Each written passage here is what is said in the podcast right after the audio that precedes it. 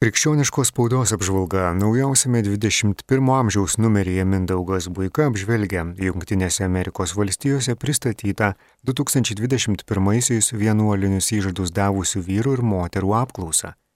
Laikraščio priedė provita Mindaugas Buika rašo, kad ES vyskupai susirūpinę bei nepritardami atsiliepė į Prancūzijos prezidento Emanuelio Makrono siūlymą į ES pagrindinių teisių hartiją įtraukti ir tariamą teisę į abortą, motinos iščiose pradėto kūdikio gyvybės nutraukimą.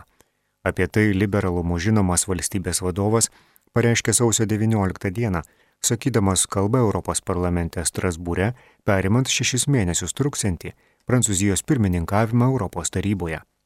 Po ES fundamentalių teisių hartijos prieimimo, kurio panaikinta mirties bausmė visoje ES, Aš manau, kad šią hartiją galime papildyti aiškiai traukiant pareigą saugoti gamtos aplinką ir pripažinti teisę į abortą, teigia Emanuelis Makronas.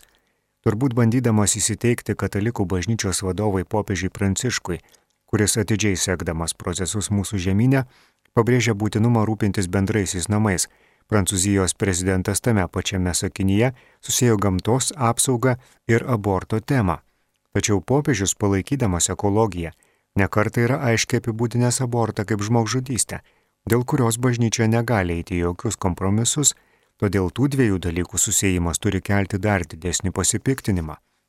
Pagrindinių teisių hartija yra svarbus dokumentas visoje ES, todėl aborto kaip fundamentalios teisės deklaravimas taptų privalomas ir galėtų sąlygoti tiek gynėjų teisinį persikėjimą, tiek diskriminavimą tų ES valstybių, pavyzdžiui, Lenkijos Maltos, kurios savo įstatymuose gina pradėtų kūdikių gyvybę, suvaržydamos abortus, operacijas bei kitus pasikesinimus į pažydžiamiausius. Prancūzijos gyvybės gynėjų sąjunga Allianz Vita pabrėžia, kad bandymas tariamą teisę į abortą prilyginti fundamentalioms žmogaus teisėms rodo ignoravimą to skausmo, kurie aborto pasiekmes sukelia daugelį moterų, Todėl užuot legalizavus negimusio kūdikio gyvybės atimimą, reikia realiai įvertinti tokio blogio priežastis ir viešojo politikoje stengtis padėti moterims dėl neplanuoto neštumo, kad jos nesirinktų savo vaiko mirties ir pašalinių jėgų spaudimo, išvengdamas tragiškos patirties pasiekmių visam gyvenimui. Priedė provita rasime tekstą apie vėžio lygos prevenciją. Nacionalinio vėžio instituto vadovė profesorė Sonata Jarmolaitė. Kasmet pasaulyje nustatoma 18 milijonų naujų vėžio atvejų, 19 milijonų žmonių nuo vėžio miršta. Tai antra iš dažniausių mirčių priežasčių pasaulyje po laikinai pirmaujančių mirčių dėl COVID-19. Moksliniais tyrimais įrodyta, kad bent trečdalio onkologinių susirgymų galima išvengti, jei pavyktų, pavyktų išvengti vėžio riziką didinančių veiksnių. Tabako rūkimas atsakingas už 8 milijonų mirčių kasmet. Tai ketvirtis visų mirčių nuo vėžio, kad tabako dūmose gausų kancerogenų, kad tabakas žudo, žinome visi, tačiau rūko apie 15 procentų lietuvių, o tarp jaunimo iki 15 metų šis žalingas įprotis ypač gajus - rūko apie trečdalis. Pagrindinė kliūtis, norint išvengti vėžio, yra ribotas visuomenės veikatos raštingumas. Dar vienas kelias į gyvenimą be vėžio aktyvi profilaktinė patikra. Anksti onkologinius susirgymus padeda nustatyti kasmetinė sveikatos patikra, dalyvavimas vėžio prevencijos programuose. Lietuvoje šiuo metu su vėžio diagnoze gyvena apie 110 tūkstančių žmonių. Šiuo laikinis vėžio gydimas - aktyvus paciento dalyvavimas gydimo procese. Priede provitas skelbiamas narkotikų, tabako ir alkoholio kontrolės departamento užsakymu 2021 atliktas tyrimas alkoholio vartojimo daromos žalos sveikatai ir ūkiai vertinimas, mirtingumo ir prarasto produktivumo analizė.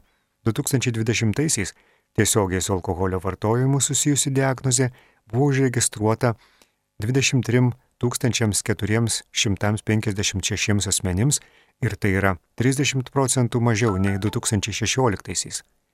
Kitame 21 amžiaus priedė žvilgsniai reportažai apie vasario 16-osios minėjimą mokyklose.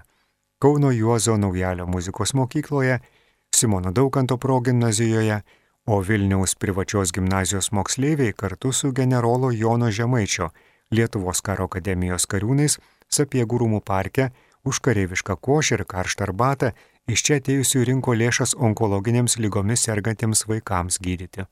Išėjo ir laikraštis Katalikas, jame apžvelgiamas grabnyčių šventimas Vilniuje, Kaune ir Žemaičių kalvarijoje, primenama, ką apie 1988 vasario 16 šventimą rašė Lietuvos katalikų bažnyčios kronika, o vareniškė Rena Danutė Draugelienė grįžta į vaikystę, kai jai gyvenant Kriokiaulyje ten klebonavo liūdno likimo kunigas Juozas Baltrušaitis, kuris mirė jaunas.